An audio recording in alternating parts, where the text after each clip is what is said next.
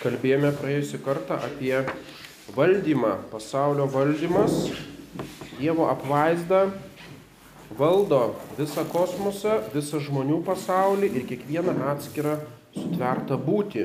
Tas valdymas yra kaip būtinas tesinys tvėrimo darbo. Ir tuo nesibaigia Dievo poveikis savo tvarinyjei. Kitas punktas yra pasaulio išlaikymas Lotiniškai konservacijo. Konservacijo servare išlaikyti, konservacijo išlaikymas. Reiškia, Dievas yra, galima sakyti, konservat, konservatorius. Ta prasme, kad pozityviai, tiesiogiai ir betarpiškai sukelia tolesnį pasaulio egzistavimą. Tai yra apibrėžimas e, šito pasaulio išlaikymo. Pozityvus, tiesioginis, betarpiškas sukėlimas kaip priežasties, priežastis, Dievas yra priežastis, kuri sukelia tolesnį pasaulio egzistavimą būtyje. Pozityvi tai reiškia ne vien negatyvus išlaikymas, reiškia ne vien tai, kad Dievas nesunaikina pasaulio, o jis tiesiogiai pozityviai palaiko jo egzistenciją. Toliau tiesioginis ir būtent betarpiškas, ne tarpininkaujant kažkokiems gamtos dėsniams arba patiems tvariniams, bet Dievas betarpiškai kiekvieną būtį, kiekvieną atomą, kiekvieną substanciją, kiekvieną žmogų, kiekvieną gyvūną išlaiko būtyje, kiekvieną sekundę. Ir čia galim tiesiog gali būti kaip meditacijos tema. Reiškia, aš esu ir visa tai, kas aplink mane, esame lyg ant Dievo delno, visiškai palaikomi būtyje, ne tik palaikomi to, to, to, toje formoje, kokiame esame, kad nenumirtume, kad nepasikeistume, bet pačioje egzistavime, pačioje būtyje, reiškia iki giliausios šaknies e, mūsų būties esame absoliučiai kiekvieną sekundę priklausomi nuo Dievo. Taigi tai, kad Dievas išlaiko visą būtį, visus daiktus būtyje, tuos, kuriuos sutvėrė, yra tikėjimo dogma prieš deizmą. Tai įeina į būtent deizmo, kaip kalbėjome, deizmas, kuris atskiria Dievą nuo tvarinijos, būtent deizmo pasmerkimo išvada šitą dogmą. Šventasis raštas nuolat pabrėžia Dievo išlaikomąjį darbą išminties knygoje 11 skyrius Kaip galėtų kažkas tai išlikti, jeigu tu nenorėtum e, arba jeigu tai, e, jeigu tai, ką pašaukiai, kad būtų, neišlaikytum. Kaip galėtų kažkas tai išlikti, reiškia Dievas nuolatos šaukia e, vokaciją, tai yra kaip pašaukimas pasauliui, kad toliau egzistuotų šitoje būtyje.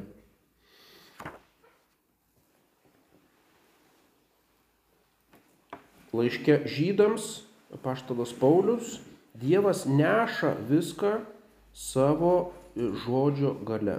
Dievas viską neša, būtent jo žodis, ne tik tai buvo pačioje pradžioje, kad sutvėrė pasaulį, bet tas žodis nuolatos tęsiasi ir išlaiko pasaulį. Tai buvo viena iš mėgstamų temų pas bažnyčios tėvus nuo pat pradžių. Šventasis Irenėjus kalba apie išlaikymą, Origenas Šventasis Hilarijus, jeigu Dievas neišlaikytų dalykų, jie tą pačią akimirką žūtų, išnyktų. Šventasis Grigalius Nisietis sako, Dievas yra vadinamas pantokrator graikiškai. Tai yra viską valdantis, visa valdys. Ir būtent tas valdymas reiškia, kad e, ne tik tai veiksmus valdo, bet tiesiog pačią jų būti valdo. Reiškia, nieko nėra tvariniuose, kas būtų kažkokiu tai būdu nepriklausoma nuo Dievo.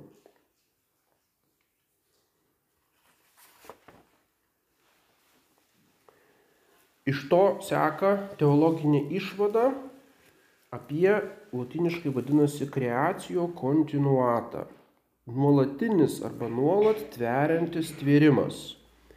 Reiškia, dalykų konservacija arba išlaikymas būtyje yra jų besitėsiantis tvėrimas.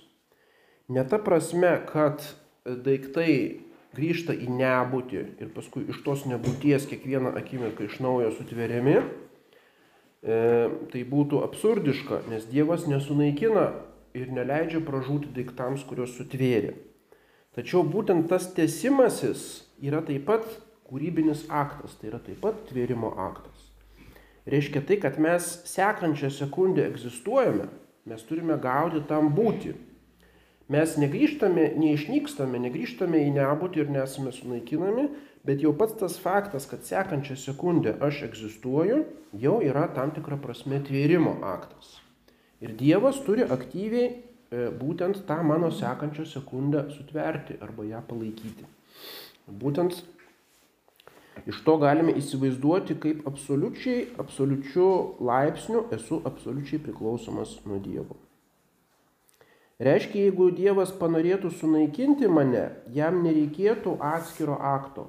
Jam tiesiog reikėtų patraukti tą savo laikančią ranką ir žmogus automatiškai išnyktų, nes jis nebegautų, nebebūtų sutverta ta sekanti sekundė jo egzistavimo.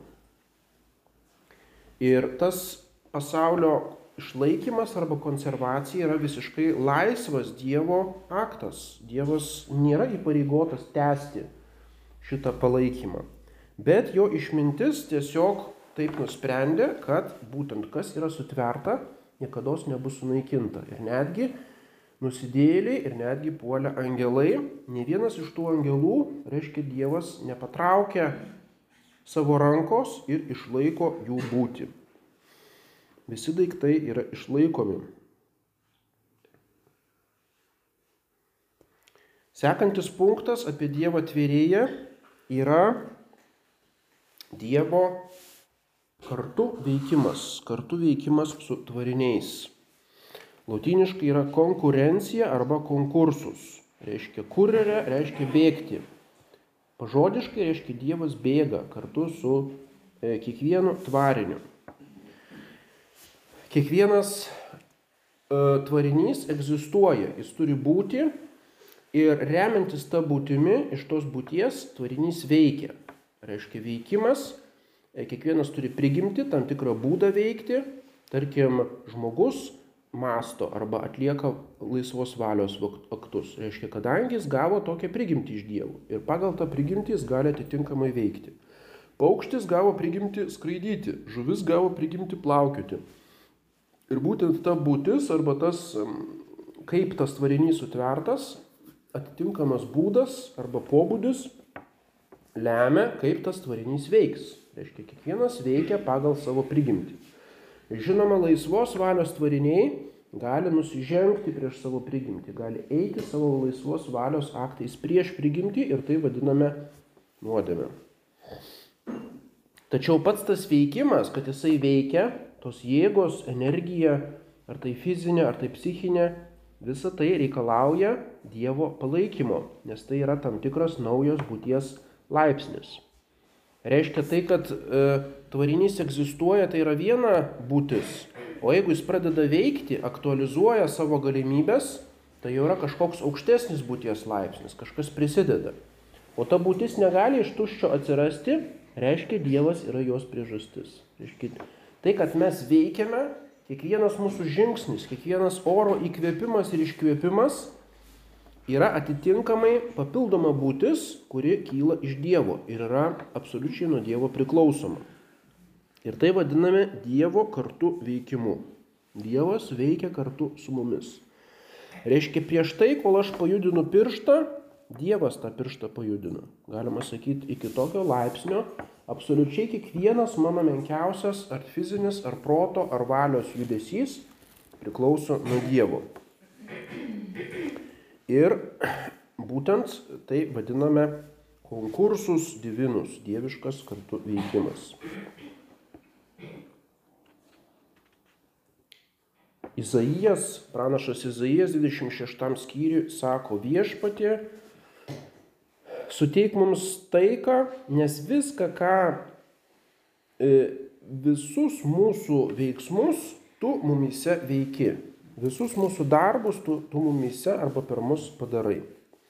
Reiškia, mes esame priežastis tų darbų, tačiau patį perėjimą iš potencijos į aktą arba iš galimybės į konkretų veiksmą turi atlikti Dievas. Kaip sudera žmogaus laisva valia arba tikras priežastingumas tvariniuose su Dievo kartu veikimu arba su Dievo konkursu, tai buvo viena iš didžiausių reiškia teologinių arba filosofinių ginčių, būtent tarp tomizmo ir molinizmo. Molinizmas buvo Molina, jezuitų teologas, kuris nėra kažkaip tai pasmerktas bažnyčios, tai yra irgi tam tikra e, teisėta bažnyčioje teologinė mokykla. Būtent molinistai labiau remia laisvą valią, tomistai labiau remia būtent šitą Dievo veikimą, kartu veikimą. Ir tiesa yra kažkur, aišku, per vidurį, bet būtent tai yra tam tikra paslaptis, kaip galime suderinti laisvo Dievo veikimą su Dievo kartu veikimu.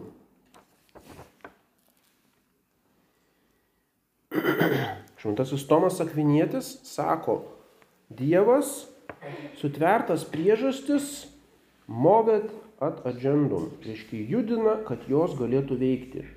Reiškia tos priežastis, tarkim, gamtos reiškiniai arba gyvūnai arba žmogus, tai yra tikros priežastis. Reiškia, Dievas suteikė tvariniams galimybę, kad jie iš savęs, iš savo prigimties veiktų. Tai nėra kažkokia iliuzija tik tai arba tokia regimybė, bet iš tikrųjų tas veikimas yra pačių tvarinių veikimas. Tai reiškia, jeigu matom bėgantį šunį, tai nereiškia, kad tai yra iliuzija arba mūsų akis apgauna.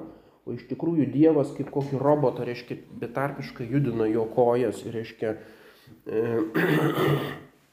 neša tą šunį, bet jis iš tikrųjų pats bėga. Tačiau tai, kad jo potencija, reiškia, jo organizmo gyvybinės jėgos gali pavirsti bėgimo aktu, reiškia, tas pats pagrindinis aktas perėjimo iš galimybės į konkretų veikimą jau yra Dievo kartu veikimo aktas. Ir tuo būdu kiekviename tvarinių judėsyje kartu bendradarbiauja ir Dievo veikimas, ir tvarinio autentiškas veikimas. Ir todėl tai vadinasi konkurencija, kartu, kartu bėgimas, reiškia kartu veikia ir tvariniai, ir Dievas.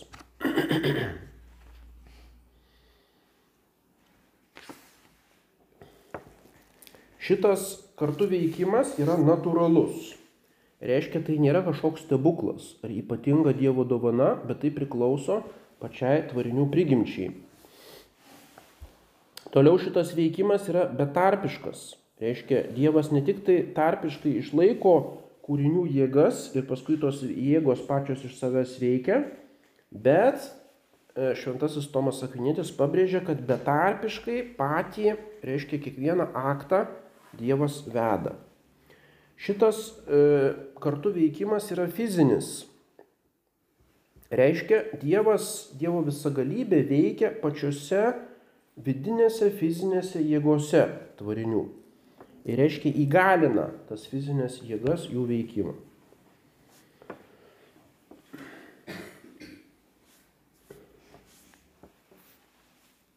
Tas veikimas yra konkursus previjus arba einantis prieš tai. Būtent čia buvo didžiausias ginčas tarp tų tomistų ir molinistų, ar tas veikimas yra iš ankstinis, einantis prieš tvarinio, reiškia, bendradarbiavimą, ar jis tik tai padeda, reiškia, suteikia tam tikrą galimybę, ką tvarinys pats sugalvojo iš savo laisvos valios veikti. Ir štai tomistai sako, kad tas pirmasis pajudinimo aktas reiškia perėjimas iš e, galimybės į įgyvendinimą yra, e, yra pirma einantis arba previjus. Ir tai vadina tomis tai premocijo fizika, reiškia iš ankstinis fizinis pajudinimas, galima sakyti.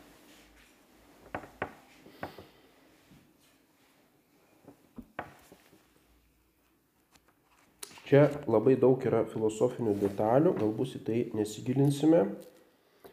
E, ir teologai teologijai svarbiausia, tai yra kaip tai suderinti su nuodėme. Nuodėmės akte yra du dalykai. Nuodėmė yra kaip pats fizinis aktas, tarkim, aš paimu peilį ir duriu į kitą žmogų. Tai yra fizinis mano rankos judesys, pasinaudojant fizinėmis savybėmis, tarkim, peilio. Tačiau mano intencija yra bloga. Aš atimu gyvybę tuo aktu nekaltam žmogui. Ir tas e, blogumas yra trūkumas. Tai yra kaip skylė būtyje. Tai nėra kažkas tai, kas turi realią būti, o tai yra atitraukimas to tobulumo, kuris turi būti tvariniuose. Reiškia, aš turėčiau pasinaudoti peilį dešrai pjaustyti arba duonai, arba ginti tėvynį, arba drošti kažkokį tai dirbinį. Bet aš panaudoju prieš jo prigimti ir prieš savo prigimti, prieš tai, kam skirti visi tie dalykai. Reiškia, atsiranda skylė, atsiranda trūkumas tobulume, kuris turėtų būti. Tai yra nebūtis, tai yra toks tuščias dalykas. Ir būtent pats fizinis aktas yra Dievo e, lydimas šitos kartu veikimo. Reiškia, net jeigu aš darau betarpiškai nuodėmę, Dievas veikia šitame mano akte. Jisai perveda iš galimybės į potenciją. Kadangi pats tas aktas yra savyje geras. Tačiau tai, kas jame yra blogo, būtent tas tobulumo nebuvimas, šito priežastis visą laiką yra tik tai pats tvarinys, kuris turi laisvą valią. Va angelas arba žmogus. Ir tuo būdu galime atskirti, reiškia tai, kas yra nuodėmingo tame akte, dėl to esu atsakingas tik tai aš, tik tai nusidėlis yra atsakingas. O visa kita, kas yra pats fizinis aktas, šitame Dievas bendradarbiauja.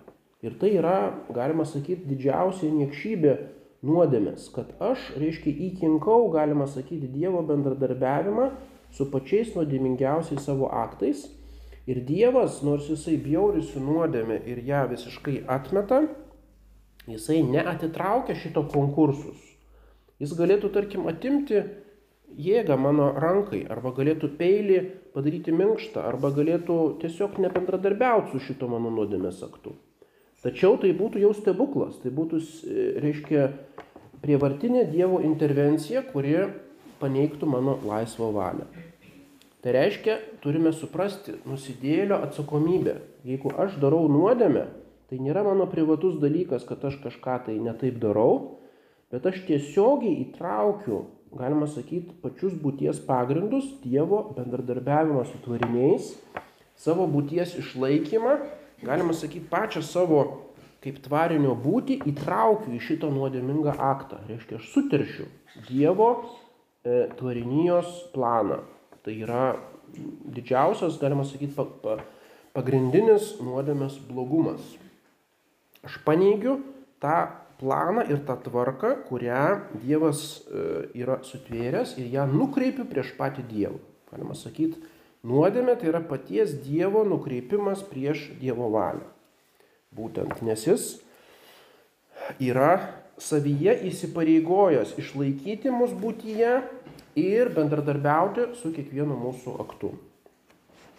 Ir tai, kad aš tuo piktnaudžiauju, tuo Dievo įsipareigojimu, Tai yra, galima sakyti, pati pats didžiausias piktumas mano nuodėmiai.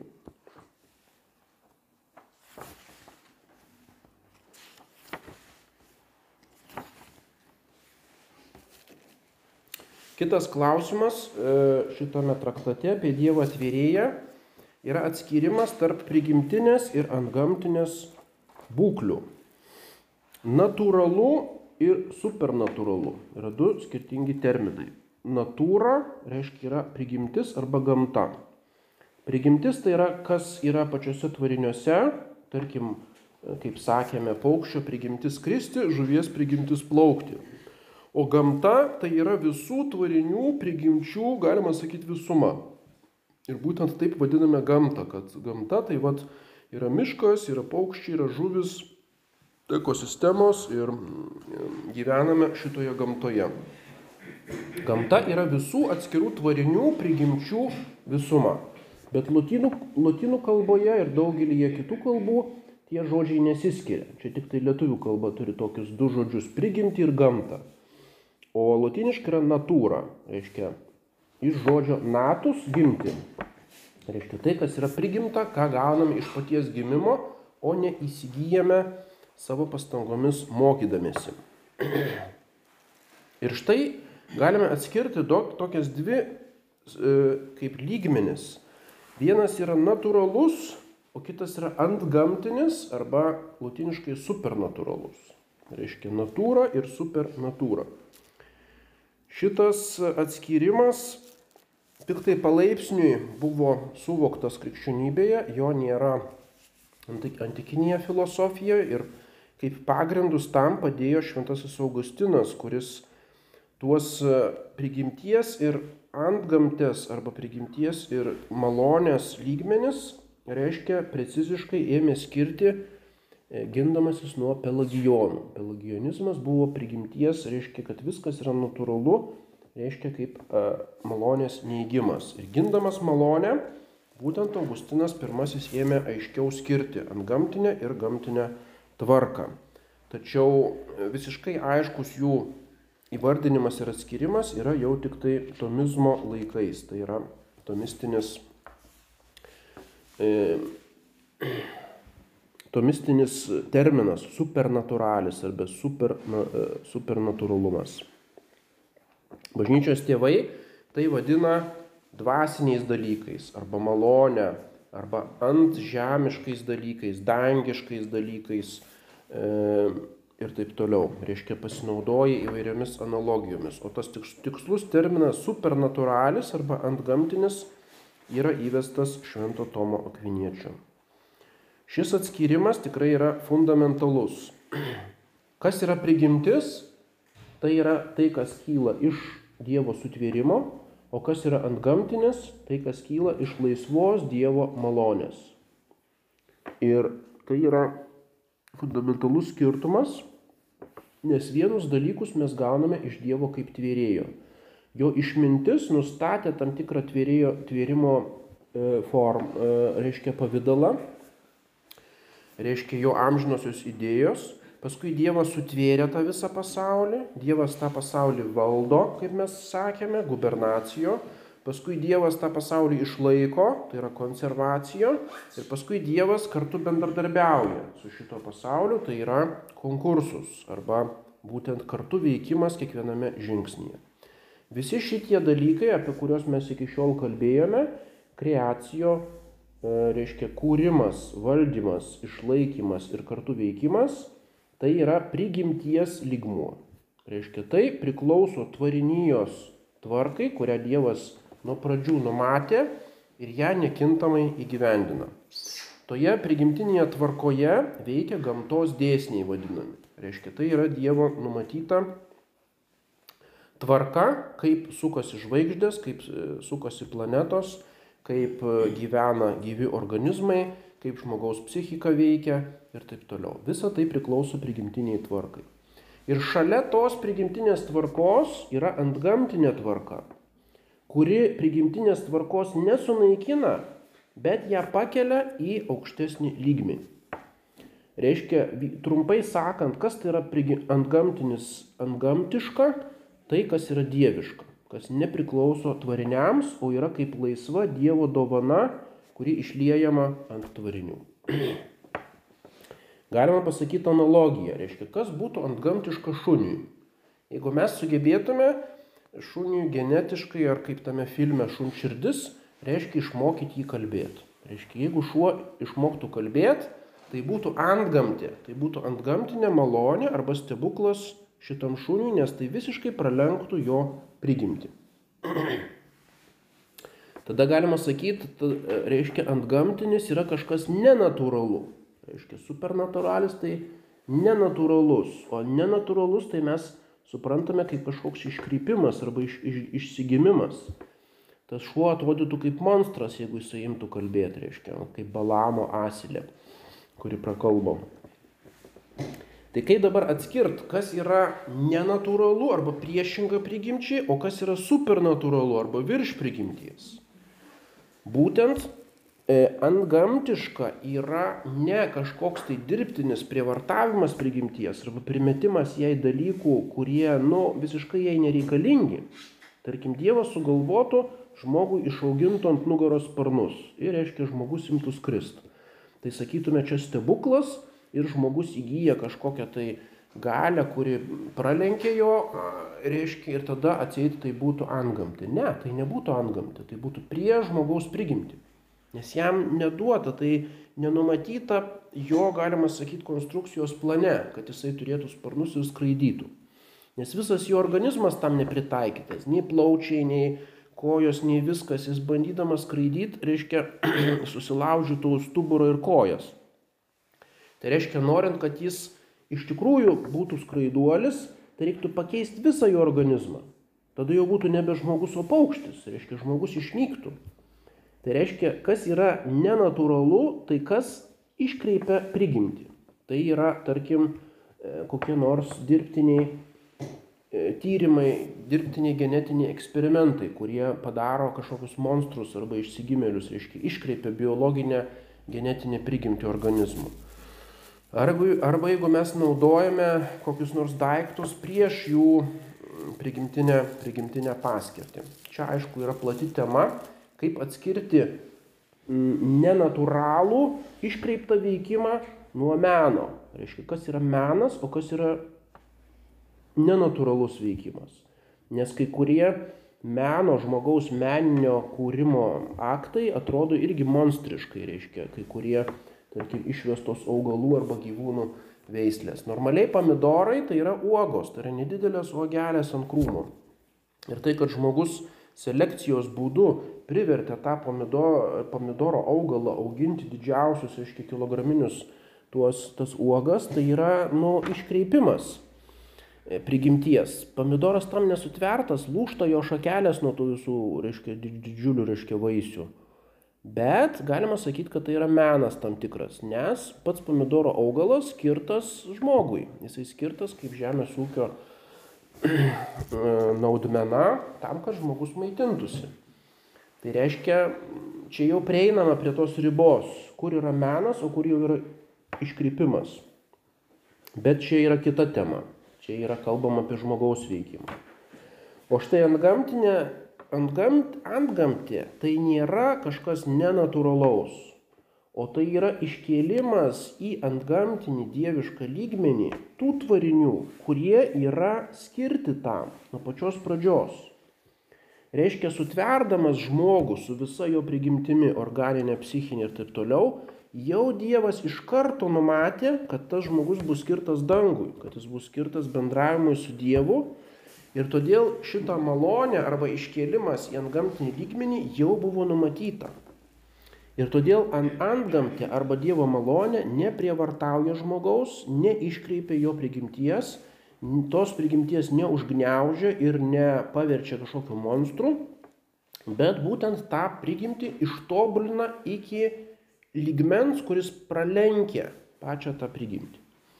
Ir va būtent kas tai yra antgamtė, tai yra iškėlimas žmogaus arba tvarinio iki tvėrėjo lygmens. Reiškia, jeigu aš gaunu malonę per krikštą arba kitą sakramentą, tai aš gaunu kažką tai, kas absoliučiai man nepriklauso, kas yra absoliuti dovana kosminių lygmių, lygmenių pranokstanti mano visas natūrales jėgas. Reiškia, aš gaunu galimybę priartėti prie Dievo.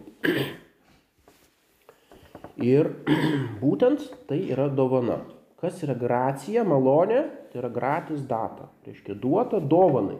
Aš gaunu visas malonės kaip Dievo nepelnytą laisvą dovaną. Ir šitą dovanų lygmenį arba malonės lygmenį mes ir vadiname antgamtį. Reiškia, antgamtiniai yra sakramentai, antgamtiniai yra Dievo malonė, antgamtinis yra Dievo apreiškimas, antgamtiniai yra stebuklai, e, antgamtinė yra e, visa ta malonės tvarka, kuri veikia bažnyčioje.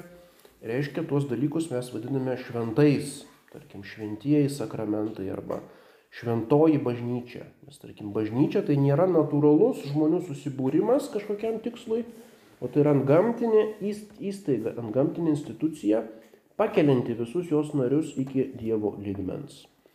Taigi tas atskyrimas tarp gamtos ir antgamtės nėra laipsnio skirtumas, kad antgamtė tiesiog yra kaip aukštesnis laiptelis, bet tai yra skirtumas taip kaip tarp šuns ir žmogaus, reiškia, yra absoliutus būties laipsnio skirtumas. Reiškia, jeigu aš patenku į antgamtinę tvarką arba esu paliečiamas tos antgamtinės tvarkos, tai yra absoliutus kaip kosmosas man, aš perkeliamas esu absoliučiai į kitą lygmenį, kuris be galo pranoksta mano visas gamtinės jėgas. Tokia kaip karikatūra yra aišku ta visa mitologija apie ufonautus, reiškia, arba ta visa mokslinė fantastika, kuri būtent kalba, kad ufonautas, reiškia, gali suteikti žmogui kažkokias tai superintelektą arba kažką tai, reiškia ir tokios žmogiškos fantazijos, kurios, galima sakyti, mėgdžioja tą krikščionišką teologiją, skirtumą tarp gamtos ir antgamtės. Nu ir apie tai tęsime kitą kartą.